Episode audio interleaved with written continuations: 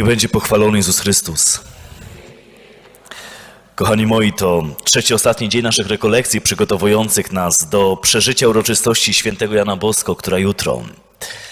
Mówiliśmy o tym, jak bardzo ważne dla księdza Bosko były te dwie kolumny, przy których e, każdy z nas ma zakotwiczyć i sprawdzić to zakotwiczenie.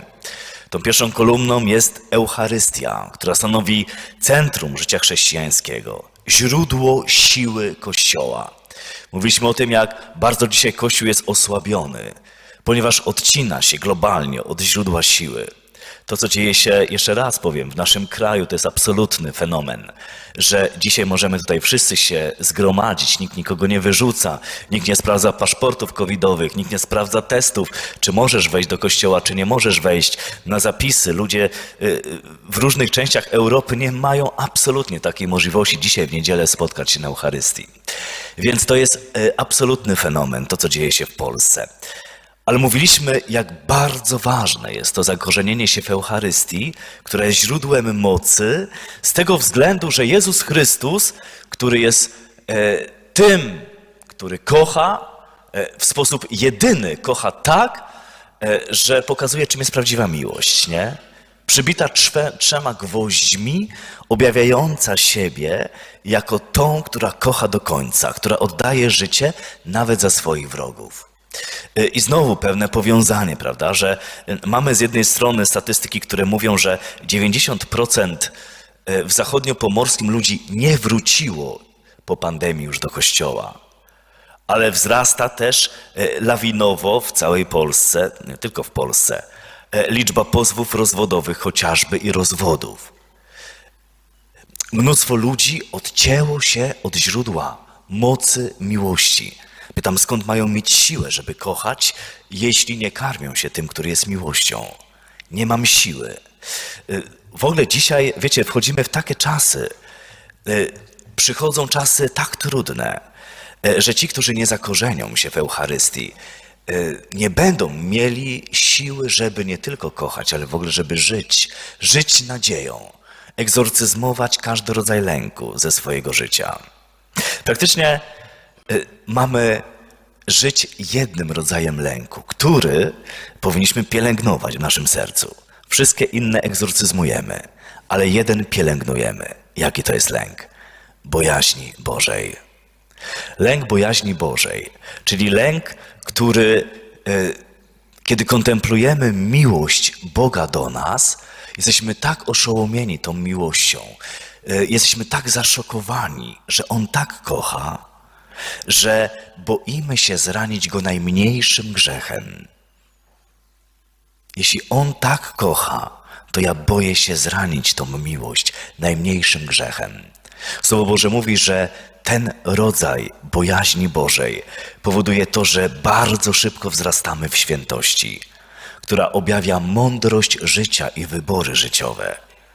Czyli jeśli chcesz być mądry mądrością Boga, prawdziwą mądrością, nie nafaszerowany wiedzą z telewizji, internetu czy Twojego telefonu. Jeśli chcesz być mądry mądrością Boga, to radykalnie rozpraw się z najmniejszym grzechem w Twoim życiu. Nie z powodu lęku przed piekłem, ale z powodu tego, że jeśli On mnie tak kocha, to ja nie chcę Ciebie ranić najmniejszym grzechem. I wtedy zaczynasz błyskawicznie wzrastać w mądrości Bożej. E, lęk czy bojaźń Boża może też być odbierana z perspektywy Boga, to znaczy oczami Boga czy sercem Boga bojaźń Boża, czyli dar Ducha Świętego, jest w pewien sposób lękiem Boga o to, aby nikogo z nas nie stracić na wieczność. Dlatego dzieło krzyża. Sąd, który dokonuje się nad światem, jest wstrząsający. Sąd, który dokonuje się nad naszymi grzechami, jest wstrząsający. Chciałbym, kochani, żebyśmy na chwileczkę rozprawili się z pewnym mitem, z pewnym zakłamaniem dotyczącym tego, czym jest sąd Boży, czym jest kara Boża, czym jest gniew Boży. Ponieważ my, e, słysząc kara, gniew, sąd, od razu myślimy bardzo po ludzku. Widzimy Boga, e, który być może jest gniewny, wkurzony, wściekły, e, który jak gromowładny Neptun, widząc jak ludzie odchodzą od Niego, podnosi rękę, żeby uderzyć jakąś karą. Nie? Ale takiego Boga nie ma i takiej kary nie ma. Ktoś powie, ale proszę księdza, jest prawda wiary, że Bóg za dobre wynagradza, a za złe karze. Ale każdą prawdę wiary musimy tłumaczyć w perspektywie Ewangelii. Dopiero wtedy ma ona sens. Rzeczywiście, Bóg za dobre wynagradza, a za złe karze. Ale co on zrobił? Wcielił się w człowieka. Po co? Po to, żeby wziąć grzechy wszystkich nas na siebie i zapłacić tą karę. On wziął wszystkie grzechy wszystkich ludzi w całej historii ludzkości na siebie i zapłacił straszliwą karę okrutnej męki i śmierci. Ponieważ, jak mówi Słowo Boże, zapłatą za grzech jest śmierć. I On przyjął za nas karę. Czy rozumiesz? On cały jest miłością i miłosierdziem. Cały. Święty Jan powie, że jeśli boisz się kary Bożej, to nie wydoskonaliłeś się w miłości do Boga, ponieważ miłość pokonuje wszelki lęk. My ciągle patrzymy na Boga i na Jego miłość w perspektywie zranień i relacji z miłości ludzkiej. A to błąd, zasadniczy błąd. On kocha inaczej. On kocha tak, jak marzy o tym nasze serce. To jest taka miłość, która powoduje, że kiedy ją e, zaczynasz doświadczać, wszystko przestaje mieć w jakikolwiek sposób znaczenie, jakąkolwiek wartość. Chcesz żyć tą miłością w każdej chwili dnia i nocy. Chciałbym, kochani, abyśmy dzisiaj w sposób szczególny zreflektowali też to, jak Bóg do nas mówi. E, kiedy nauczymy się słuchać Boga, nauczymy się rozumieć to, co On do nas mówi. Bóg mówi do nas na trzy różne sposoby. Przez wewnętrzne natchnienia. Potrzeba tutaj pewnej pielęgnacji ciszy w swoim sercu, żeby rozeznawać Jego natchnienia. On mówi, że Jego uczniowie będą charakteryzować się tym, że będą znać Jego głos i będą iść za tym głosem. I od razu rozpoznają głos obcego i za obcym głosem nie pójdą. Czyli muszę nauczyć się rozeznawać pośród hałasu tego świata, który we mnie bombarduje, szczególnie dzisiaj przez mass media, odczytywać natchnienia ducha, odczytywać jego głos. Następnie Bóg mówi przez swoje słowo, szczególnie przez Ewangelię, szczególnie przez Nowy Testament. I mówi do nas też przez wydarzenia zewnętrzne. Tak układa i reżyseruje wszystko, aby do nas mówić. I teraz my musimy się nauczyć rozumieć Jego język.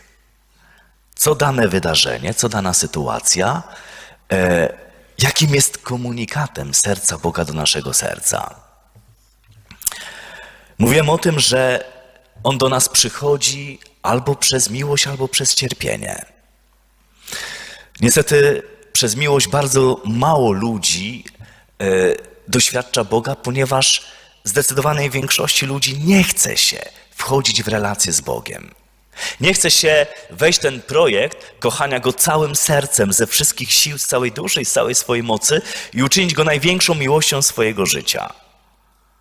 Bardzo często traktujemy Go jako instrument do handlu, żeby On nam coś uhandlował. Nie? Na przykład dajemy mu jakieś nowenny pompejańskie i mówimy, ja ci daję modlitwę, a ty mi daj to, to, to i to. Omówiliśmy wczoraj, że modlitwa to jest, to jest miłość, to jest wyznawanie miłości, to jest spotkanie dwóch zakochanych serc, które nawzajem chcą siebie uszczęśliwić, a nie żaden handel. Rozumiesz, kiedy y, ja y, spotykam się z kimś, kto bardzo mnie kocha i ja kogoś bardzo kocham, to ja chcę go na maksa uszczęśliwić. On nawet nie musi mnie prosić. Jak y, widzę, że jakąś potrzebę ma, to ja po prostu e, całym sercem chcę tą potrzebę mu zaspokoić. Dlaczego? Bo kocham. A często jest tak, wiecie, że my zachowujemy się z Bogiem troszeczkę, przepraszam za porównanie, jak takie duchowe prostytutki. Czyli udajemy miłość, żeby coś otrzymać od niego, nie? Trochę tak jak dzieciaki, wiesz, które e, przybiegają do tatusia, mamusi, rzucają mu się na szyję, mówią: Mamusiu, kocham cię, tatusiu, kocham cię, jesteś najwspanialszym tatusiem, mamusiu, jesteś taką cudowną mamą, nie? I się tam tulą. Ty już łzy w oczach, tata płacze, mówi: Boże, co za dziecko, jak ono mnie kocha. On odczeka jeszcze dwie minuty i powie: e, Mamo, abyś dała mi troszeczkę pieniążków, bo mi już nie starcza, wiesz, chciałbym kupić to i tamto. To myślisz, a, to o to chodziło. Rozumiecie? I my czasami możemy tak udawać miłość do Boga, nie? Będziemy mówić mu, że go kochamy, że pójdziemy na mszę świętą, odmówimy pacierz, a tak naprawdę to jest ciągły, e, wiecie, taki handelek z nim. A wiecie, co zrobił Jezus w świątyni, jak wyrzucił handlarzy? Modlitwa nie jest handlem. Wiecie, to jest. E, chciałbym, żebyście to złapali. Nie? To jest to, o czym cały czas mówię i wczoraj, i przedwczoraj że to jest wyznawanie miłości, że w każdej chwili, e, kiedy się modlę, powinienem pytać sam siebie, czy ja teraz kocham, nie? Czy ja kocham? Łazarz, który od czterech dni leży w grobie. E, Marta i Maria wysyłają sługę e, do Jezusa: przyjdź i uzdrów naszego brata, przecież go kochasz. Jezus zwleka. Mógłby wstać i od razu iść uzdrowić go. On specjalnie zwleka. Kiedy jednak przychodzi do Betanii, okazuje się, że Łazarz już od czterech dni cuchnie w grobie. Przybiega do Jezusa Marta i mówi: Panie, gdybyś tu był, mój brat by nie umarł. Jezus mówi: Okej, okay, da. Co dalej? Ona mówi: Ale ja wierzę, że Ty jesteś zmartwychwstaniem i życiem że nikt nie przychodzi do Ojca inaczej, jak tylko przez Ciebie. Jezus, tak, Marto, masz rację. I zaczyna e, odpowiadać na jej teologiczne sformułowania kolejnymi sformułowaniami teologicznymi. I ucinają sobie piękną teologiczną pogawędkę na temat tego, kim jest Jezus. Problem polega na tym, że nic się nie zmienia. Łazarz jak był w grobie, tak jest, śmierci i cuchnie. My czasami nasze modlitwy traktujemy jak wyznawanie formuł modlitewnych. Nawet kiedy modlimy się swoimi słowami, to wyznajemy, kim jest Bóg, ale nic się nie zmienia. Czasami traktujemy modlitwę bardzo magicznie, nie? Wiesz, dzwonią telefonem, przy księdza mi się rozwala małżeństwo. Czy ma ksiądz jakąś modlitwę na to, żeby żona moja wróciła do mnie? A czy jest jakaś modlitwa na to? A czy jest jakaś modlitwa na to? Magia. To nie ma nic wspólnego z modlitwą. I można modlitwy traktować magicznie przez całe swoje życie. I nic się nie będzie zmieniać, nic. I Marta dokładnie wie, że tu już nic nie ugra. I mówi do Marii coś, co jest takim świętym kłamstwem przybiega do swojej siostry i mówi: Mario, nauczyciel cię wzywa. Kłamie. Jezus wcale nie wezwał Marii. Ale Marta wie coś. Wie o czymś, co jest sekretem Marii i Jezusa. I Maria mówi: Tak, nauczyciel wzywa, biegnę do niego. Przybiega do Jezusa, pada mu do stóp, tak jak Marta, i mówi dokładnie te same słowa, co Marta. Panie, gdybyś tu był, mój brat by nie umarł. I co się dzieje? Jezus się rozpłakał i mówi: Pokażcie mi, gdzie go położyliście. Prowadzą go do grobu. Jezus mówi: Wstań, łazarzu, wyjdź z grobu. Jak mówi Słowo Boże, gdzie wręcz osłupieli ze zdumienia, kiedy zobaczyli, co zrobił Jezus. Gdzie jest sekret modlitwy Marii, która jest poruszająca serce Boga tak, że On czyni dla niej nieprawdopodobny cud? Marta mówi te same słowa i nic się nie dzieje. Gdzie jest sekret? Sekret jest w zakochanym sercu. Czy rozumiecie? Znam osoby, które latami modlą się Od nowenny pompejańskiej do nowenny pompejańskiej. I cały czas, rozumiecie, w centrum jest mój problem. Cały czas w centrum jest moje cierpienie. Boże uzdrów, Boże pomóż, Boże zmień, Boże proszę. Modlitwy są cały czas taką swoistą, wiecie, zafiksowaniem i skupieniem na sobie, na swoich potrzebach. Ja jestem najważniejszy, a Bóg potrzebny do tego, żeby dał mi to, żeby było dobrze w moim życiu. Żeby dał mi to, by moje życie było lekkie, łatwe, przyjemne i beztroskie. Jak On się czuje, jak taki, wiecie, ten, który ma spełniać nasze życzenia. Słabe to. I dlatego wielu ludzi latami się o coś modli i nic. I nic. I znam takich ludzi. Bardzo często w różnych sytuacjach do nich piszę, którzy mówią: Jezu, proszę, dla tej dziewczyny, dla tego chłopaka, Jezu, proszę. I od razu dostają. Rozumiesz? Matka czy ktoś mówi kolejną nowennę pompejańską w tej intencji i nic.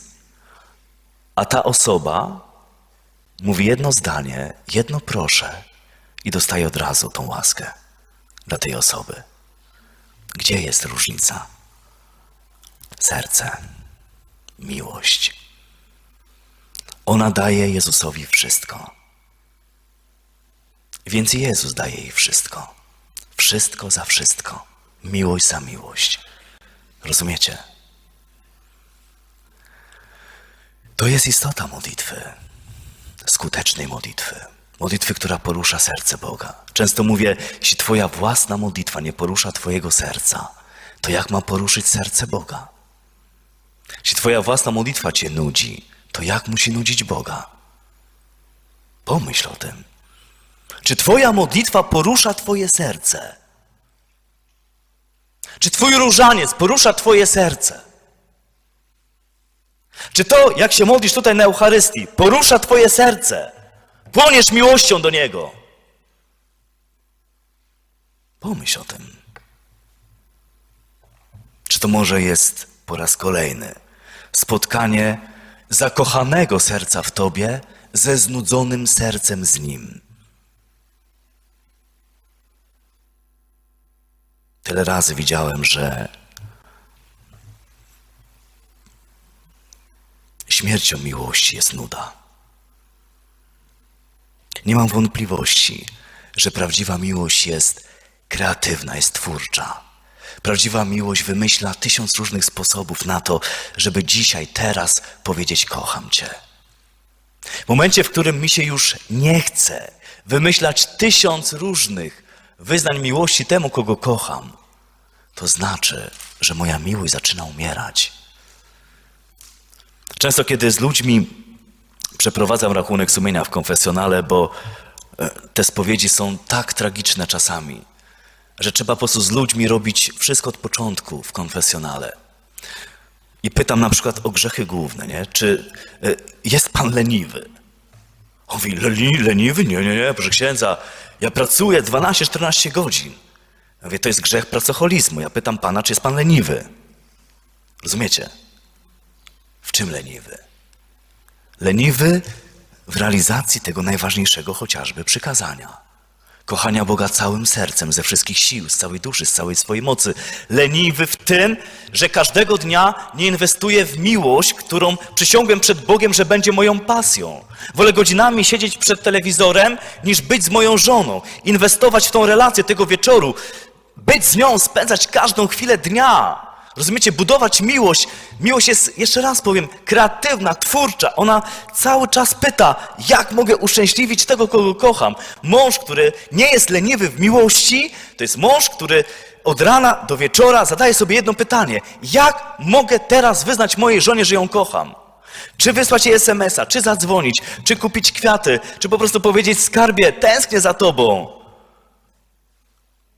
Ten mąż, który, rozumiesz, przychodzi do domu po pracy, kiedy widzi, że jego żona jest zmęczona, a tam trzeba pozmywać naczynia, tutaj trzeba zająć się dziećmi, tu trzeba wynieść śmieci. To on po prostu wyłącza ten mecz, bo wie, że jak kocham, to chcę teraz uszczęśliwić tego, kogo kocham. Miłość jest twórcza, w drobiazgach, w zwykłych rzeczach, ale ona buduje najbardziej trwałą miłość. Dlatego nie dziwmy się, że pierwszym grzechem głównym jest lenistwo. Fundamentem naszych grzechów jest lenistwo. I nie takie lenistwo, jak nam się wydaje, bo my mylimy pracoholizm. To nie chodzi o pracoholizm, czy ty pracujesz od rana do wieczora w robocie zarabiając pieniądze. Lenistwo w twojej relacji do Boga. Lenistwo w twojej relacji do najbliższych. To jest problem lenistwa. I prawie nikt się z tego nie spowiada. Rozumiecie? Więc Bóg przychodzi albo przez miłość, albo przez cierpienie. On nas tak kocha, że widząc, iż idziemy tą szeroką drogą na potępienie, pamiętajcie, skarby, to są słowa Jezusa, że są dwie drogi. Jedna, która prowadzi do zbawienia, i ona jest wąska. Jezus mówi: nieliczni nią idą. I szeroka droga, która prowadzi na potępienie, liczni nią idą. To są słowa Boga. To są słowa Boga. I teraz On nas tak kocha, że ta bojaźń Boża, nie? Y, tak nas kocha, żeby nikogo z nas nie stracić na wieczność. I On zrobi wszystko, żeby nas nie stracić na wieczność. I teraz uważaj. On posłuży się czasami różnymi sytuacjami, czasami bardzo trudnymi, bolesnymi, tragicznymi, pełnymi cierpienia, żeby otworzyć nam oczy. Gdzie ty idziesz? W którą stronę, dziecko? Myślę sobie o moim koledze, który y, trenuje MMA zawodowo.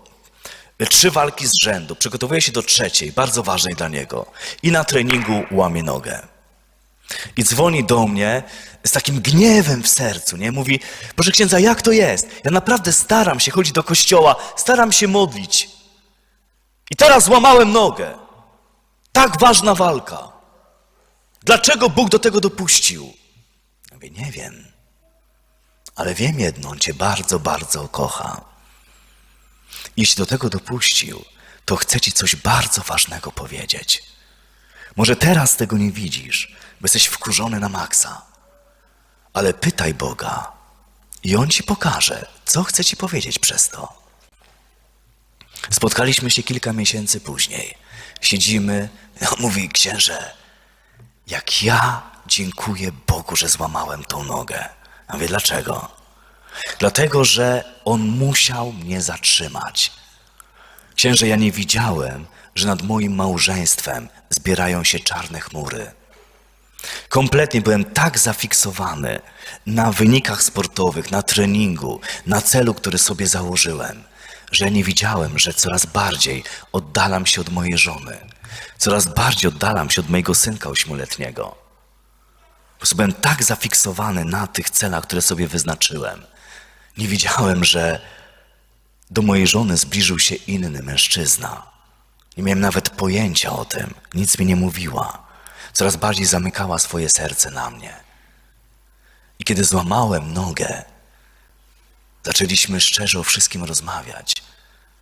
Kilka miesięcy rehabilitacji, które spędził w domu, tyle czasu na nowo dla żony, tyle czasu na nowo dla synka. Mówi, księże, nie zauważałem, że kiedyś to on przybiegał do mnie, rzucał mi się na szyję, kiedy wracałem z treningu. Ale to już się skończyło.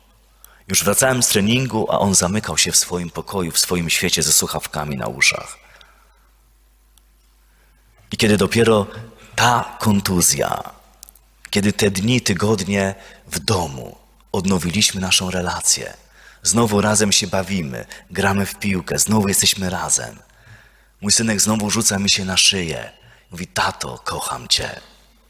Nie? I gość y, od wściekłości bo mu Bóg zniszczył plany trzeciej walki, do wdzięczności całym sercem za to, że to się stało. Bóg rozmawia z nami przez wydarzenia życia. On zawsze chce nam coś ważnego powiedzieć. On mówi siostrze Faustynie tak.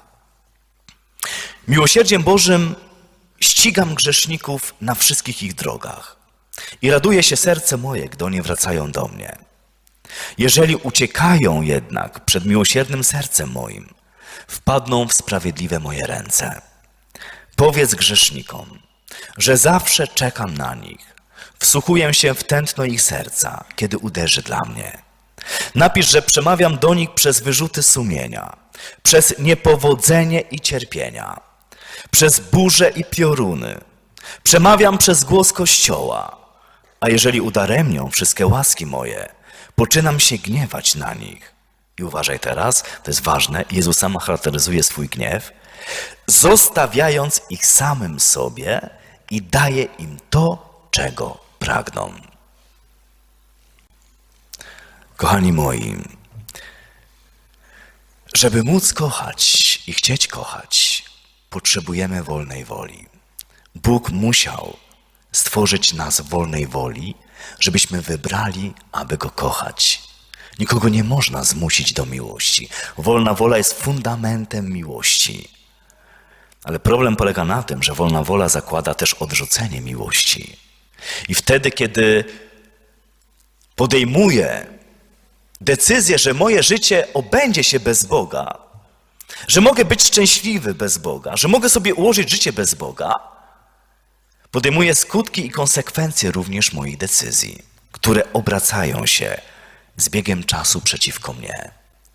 W momencie, w którym zakładam, że nie potrzebuję Boga w swoim życiu, już w tym momencie tej decyzji szatan, jak lew ryczący, Słowo Boże określa go jako zabójcę od początku, niszczyciela, od razu wchodzi w moje serce, w moje życie. Cechą charakterystyczną diabła jest to, że w momencie, w którym ty zaczynasz wybierać swoje życie bez Boga, on od razu czuje się zaproszony, ale wchodząc w twoje życie, od razu się maskuje. To nie jest tak, że wiesz, ty powiesz, nie, ja będę sobie żył bez Boga. I na drugi dzień masz wypadek, nie wiem, leżysz cały, wiesz, w temblakach i Bozia cię ukarała. Nie, to nie tak. On jest bardzo przebiegły. On, kiedy wchodzi w twoje życie, to pierwszą rzeczą, którą zrobi, to się ukryje. I będzie cię prowadził, to jest to, co mówi Jezus. Zostawiam go samego i daję mu to, czego pragnie. Czego pragniemy z reguły? Pragniemy używać życia. Pragniemy, żeby nasze życie było lekkie, łatwe, przyjemne i beztroskie. Omijamy Boże przykazania i korzystamy z życia. I to jest Boża kara.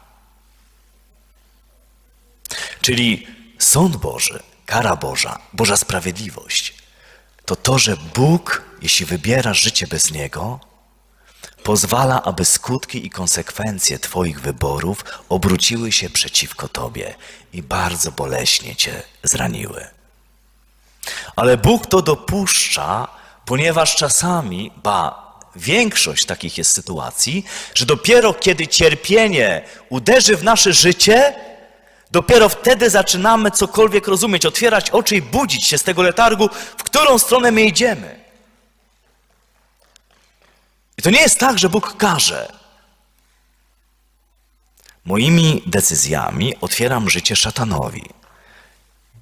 I nigdy nie mów, tak jak nie wiem, nasze babcie chociażby, widzisz, Bozia cię skarała. Widzisz, zrobiłeś to i Bóg cię skarał. Nie, Bóg nie każe.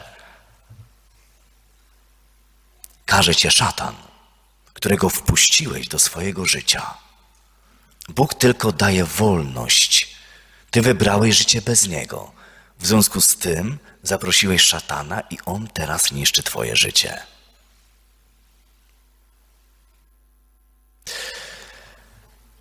To jest Boża kara, to jest sąd Boży, to jest gniew Boży. On zostawia cię samego. Żyj jak chcesz. Ja będę kochał cię całym sercem. Cały czas czekam na ciebie. Ale pozwalam, bo dałem ci wolną wolę, żeby twoje decyzje obróciły się przeciwko tobie. I to bardzo boli. Bardzo boli.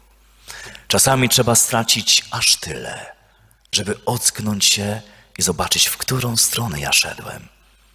Czasami trzeba się zawieść na tylu relacjach, chociażby damsko-męskich, gdzie ubóstwiliśmy drugiego człowieka, postawiliśmy go na pierwszym miejscu w swoim życiu, stał się dla nas tak ważny jak Bóg. Mój mąż, żona, dzieci, przyjaciel, przyjaciółka, chłopak, dziewczyna. Ja bez nich świata nie widzę. To jest grzech bałwochwalstwa. On zawsze przynosi przekleństwo. Jezus mówi, pamiętacie, jeśli ktoś kocha kogoś bardziej niż mnie, ojca, matkę, syna, córkę, męża, żonę, nie może być moim uczniem. Jeśli ktoś lub coś w Twoim sercu bardziej kochasz niż Jezusa, nie możesz nazywać się chrześcijaninem. Jezus mówi jeszcze bardziej dosadnie, nie? Jeśli nie masz w nienawiści ojca, matki, syna, córki, żony, męża, nie jesteś mnie godzien. Mówisz, ale jak? Bóg, który jest miłością, może namawiać do nienawiści? Nie, to jest tak zwany semityzm. Czyli on pokazuje, że miłość do Boga ma być tak nieskończenie większa od miłości do człowieka, że w porównaniu z miłością do Boga, miłość do człowieka wydaje się wręcz być nienawiścią. Tak należy to rozumieć.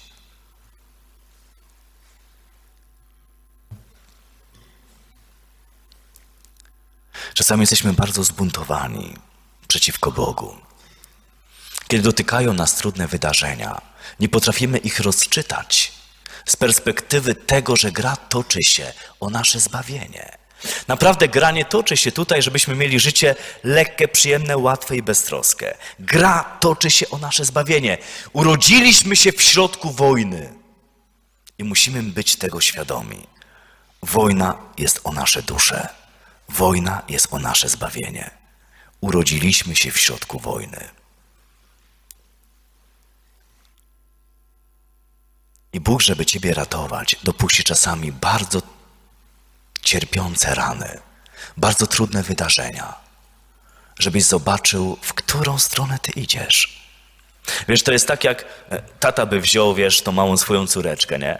E, która bardzo choruje na jakąś chorobę i tylko seria e, bolesnych zastrzyków może jej pomóc, nie?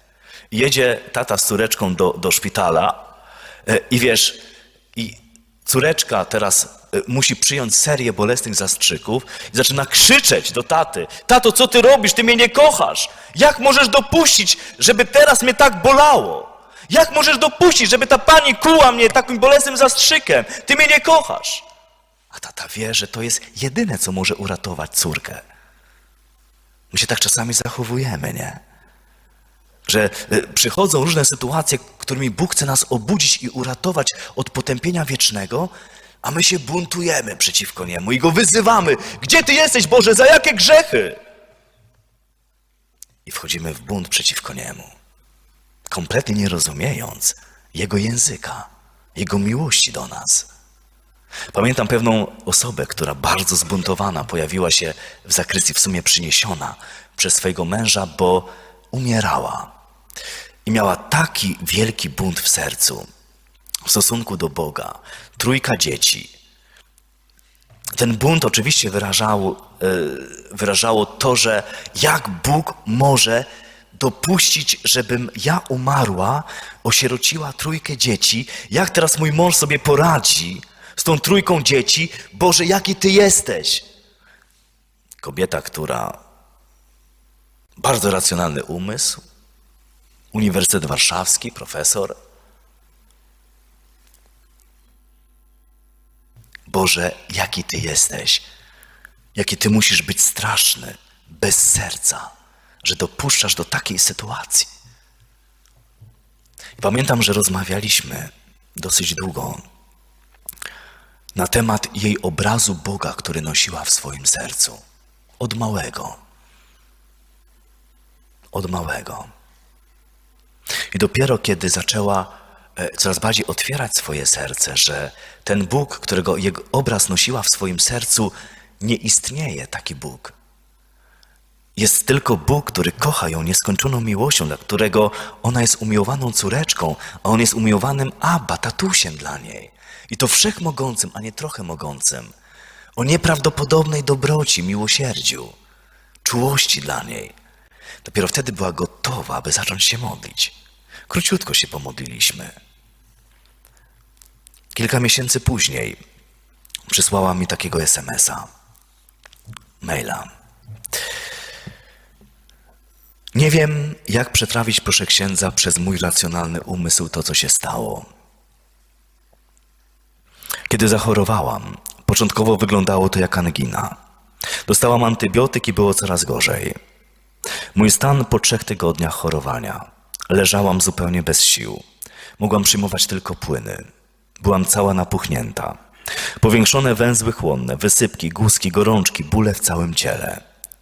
Masa badań, z których nic nie wychodziło. Rezonanse, choroby reumatyczne, bolerioza, zapalenia, badanie guzków pod kątem raka i nic. Chyba z dziesięciu lekarzy mnie diagnozowało. Miałam też jednego głównego prowadzącego. I rozkładali ręce.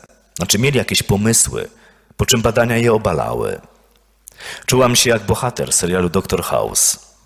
Trwało to około dwóch miesięcy i było coraz gorzej. Wtedy mój mąż zawiózł mnie do księdza. Nie myślałam o uzdrowieniu, nie wierzyłam w nie. Wie ksiądz, że byłam zbuntowana, że muszę przejść na tamten świat.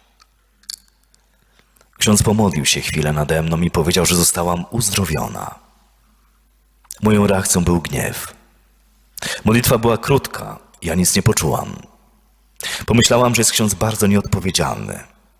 Zadzwoniłam do księdza przełożonego, żeby się poskarżyć, ale dowiedziałam się tylko tyle, że ksiądz Dominik rzadko tak radykalnie mówi o uzdrowieniu. Nie wierzyłam w to całe uzdrowienie. Ale już następnego dnia zaczęły się zmniejszać powiększone i zalane białym nalotem migdałki.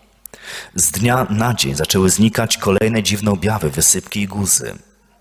Po tygodniu pojechałam do lekarza, który był głównym prowadzącym moją chorobę. Byłam w tak dobrym stanie. On zapytał zszokowany, co pomogło. Powiedziałam, że nie wiem. Ale trochę żartem, bo nadal traktowałam to podejrzanie, opowiedziałam o księdzu jego modlitwie. I proszę sobie wyobrazić, że lekarz kazał mi wrócić do księdza i podziękować, bo przyznał, że on przy całej swojej wiedzy medycznej nie jest w stanie wytłumaczyć mojego powrotu do zdrowia. Dodam, że lekarz ten ma opinię jednego z najlepszych diagnostów w Warszawie. Widzimy więc, kochani, że Bóg e, czasami daje nam trudne sytuacje, nawet w kontekście choroby, po to, żeby uzdrowić nasze serce. Kiedy patrzymy na Ewangelię, Jezus pokazuje nam, że czasami korzeniami choroby fizycznej mogą być choroby naszego zranionego serca albo choroby ducha. I Jezus, zanim uzdrowi z choroby fizycznej, wpierw uzdrowi zranione serce albo zranionego ducha, chociażby przez odpuszczenie grzechów.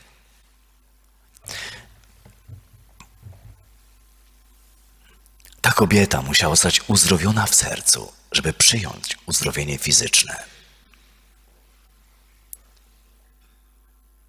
Mówię o tym cały czas, kochani, abyśmy nieustannie uświadamiali sobie, że On z nami rozmawia. On tak reżyseruje każdy nasz dzień, różnego rodzaju sytuacje, przez które przechodzimy. I chce, abyśmy nauczyli się Jego języka. Jeszcze jedna historia bardzo ciekawa. Otóż rozmawiam kiedyś z pewną kobietą, która mówi mi, proszę księdza, ja chciałam Boga sobie podporządkować pod mój plan i pomysł na życie. Mianowicie ostatnie dwa lata przed maturą miała marzenie dostać się do swojej wymarzonej uczelni w Anglii.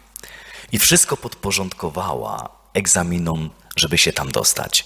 Dwa lata rodzice załatwili, opłacili korepetytorów. Ona nawet zaczęła chodzić prawie codziennie do kościoła, żeby mieć Boga po swojej stronie żeby Bóg pomógł jej zdać ten egzamin, dostać się na tą uczelnię. No i kiedy przed czas egzaminów poległa straszliwie, na przedostatnim miejscu na liście, wpadła w deprechę, wróciła do domu, zamknęła się w swoim pokoju, nie chciała nigdzie wychodzić, jeść, pić, po prostu dajcie mi wszyscy święty spokój. I wtedy zadzwoniła do niej kumpela. Słuchaj, jesteśmy y, w, w górach z księdzem, taki fajny obóz, przyjedź do nas. Ona mówi, nie chce mieć nic wspólnego z żadnym księdzem, z żadnymi modlitwami, z żadnym Bogiem. Zawiodłam się całkowicie, nie chcę mieć już z nim nic wspólnego. No ale ta koleżanka była nieustępliwa i po kilku dniach ona się spakowała i przyjechała w te góry. No i wiecie, obrażona księżniczka, oczywiście na cały świat, ale atrakcyjna księżniczka, więc znalazł się od razu pocieszyciel jej zranionego serca, pastuszek, który zaopiekował się nią. I tak się zaopiekował, że po dwóch tygodniach byli już w sobie zakochani. Kiedy wrócili do domu, stali parą, kilka lat później wzięli ślub. Piękne małżeństwo, piękna rodzina. I rozmawiam z nią i ona mówi, proszę księdza, ja codziennie dziękuję Bogu, że nie dostałam się na tamtą uczelnię. Bo gdybym dostała się na tamtą uczelnię, nigdy bym nie poznała najwspanialszego mężczyzny, który jest teraz moim mężem. I nie miałabym z nim tak cudownej rodziny. Rozumiecie? Jest mnóstwo sytuacji, które Bóg nam krzyżuje i nam się wydaje, że to jest jakaś wielka tragedia w naszym życiu, że to jakieś przekleństwo. A to jest niesamowite błogosławieństwo. W sumie dla człowieka, który oddaje się całkowicie Bogu, czyli mówi mu: Ty reżyseruj moje życie, ty kreuj moje życie. Jest wszystko tak, jak ty będziesz chciał, żeby było. Ja mówię amen na wszystko. To praktycznie nie ma już tak zwanych dobrych, złych rzeczy. Smutnych, radosnych, fajnych, niefajnych. Wszystko jest dobre. Wszystko. Ja mogę moim małym ludzkim muszczkiem przyjmować to jako coś złego. Ale jeśli ten, który jest największą miłością mojego życia, który oddał za mnie swoje życie, który jest wszechmogący, a nie trochę mogący i kocha mnie, patrząc na mnie, mówiąc, mój umiłowany synku, największym moim pragnieniem jest to, żebyś był ze mną na całą wieczność w niebie. Dlatego będę tak prowadził Twoje życie, abyś był ze mną, abyś się nie zagubił, abyś się nie potępił. Jeśli różnego rodzaju trudne wydarzenia dotykają Twojego życia, to ja mówię dziękuję, dziękuję, dziękuję za wszystko. Chociaż tego nie rozumiem, wydaje mi się to bez sensu. Dlaczego mam dziękować za coś, co sprawia mi taki ból? Dlaczego mam dziękować za coś, co sprawia mi takie cierpienie? To jest bez sensu. Dokładnie. Po ludzku patrząc, to jest bez sensu. Ale odkryłem, wiecie, e, tą niesamowitą radę świętego Pawła. Ostatnio bardzo, bardzo, bardzo to uderzyło w moje serce. Taka duchowa kanapka, nie? Y, do której święty Paweł zachęca, abyśmy ją każdego dnia z wielkim smakiem zajadali. Góra kanapki. Zawsze się radujcie. Wsad. Nieustannie się módlcie. Dół kanapki. Za wszystko dziękujcie bo taka jest wola względem Was w Jezusie Chrystusie. Często ludzie przychodzą i mówią, proszę księdza, ale co jest wolą Boga w moim życiu? Zawsze się radować? Nieustannie się modlić? Za wszystko dziękować. Najprostsze. Jeśli chcesz żyć wolą Bożą każdego dnia, nieustannie się raduj, nieustannie się módl, nieustannie dziękuj za wszystko. Nie dzieląc rzeczy na dobre, na złe, po prostu dziękuję za wszystko. Jeśli będziesz dziękować za wszystko, co dzieje się każdego dnia w Twoim życiu, to będzie nieustanna Twoja modlitwa i ona spowoduje, że będziesz nieustannie się radował. Dlaczego my jesteśmy smutni? Dlaczego wpadamy w depresję? Bo nam życie się nie układa tak, jakbyśmy chcieli. Dlatego, że my kreujemy sobie pewien pomysł na nasze życie, a Bóg jest potrzebny do tego, żeby to zrealizować. I wchodzimy w bunt, w depresję, frustrację, agresję, złość, bo nie jest tak, jakbyśmy chcieli. Bóg jest od tego, żeby y, wszystkie nam oczekiwania i potrzeby zapełnić, nie? I dlatego wchodzimy w te stany buntownicze, które powodują no, w kolejnych etapach też bardzo często depresję. Antidotum na depresję jest ta duchowa kanapka. Zawsze się radujcie, nieustannie się módlcie, za wszystko dziękujcie. Chciałbym, kochani, żeby to zostało w waszych sercach.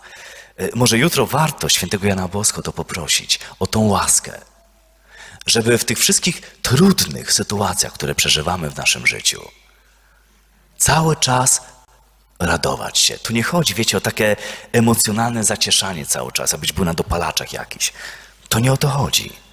To chodzi o dar Ducha Świętego. O dar Ducha Świętego.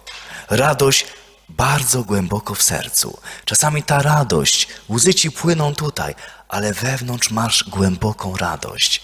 Usensownienie tego cierpienia, przez które przechodzisz.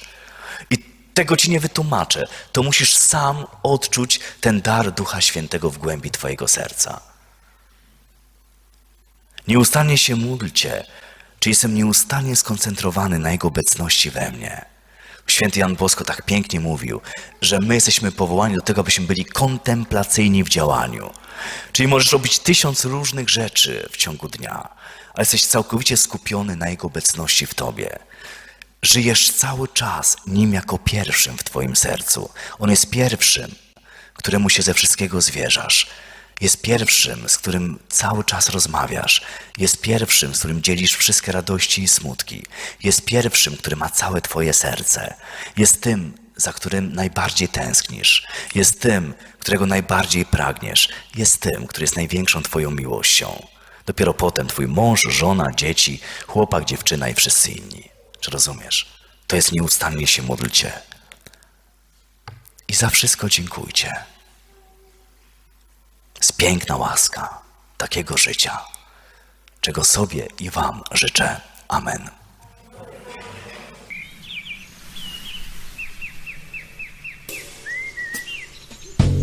Bywają chwile, gdy jestem sam. Nie mam do kogo użalić się. Pragnę odnaleźć drogę do Ciebie, bo wiem, że zawsze Ty kochasz mnie. O królowo, o królowo, matko ma, bądź tu przy mnie, bądź ze mną znów. O królowo, o królowo, matko ma, bądź tu przy mnie, bądź ze mną znów. Wszystko w mym życiu jest takie proste, bo Ty mi, Matko, pomagasz jednak chwile, gdy jest mi ciężko. I jakże smutno samemu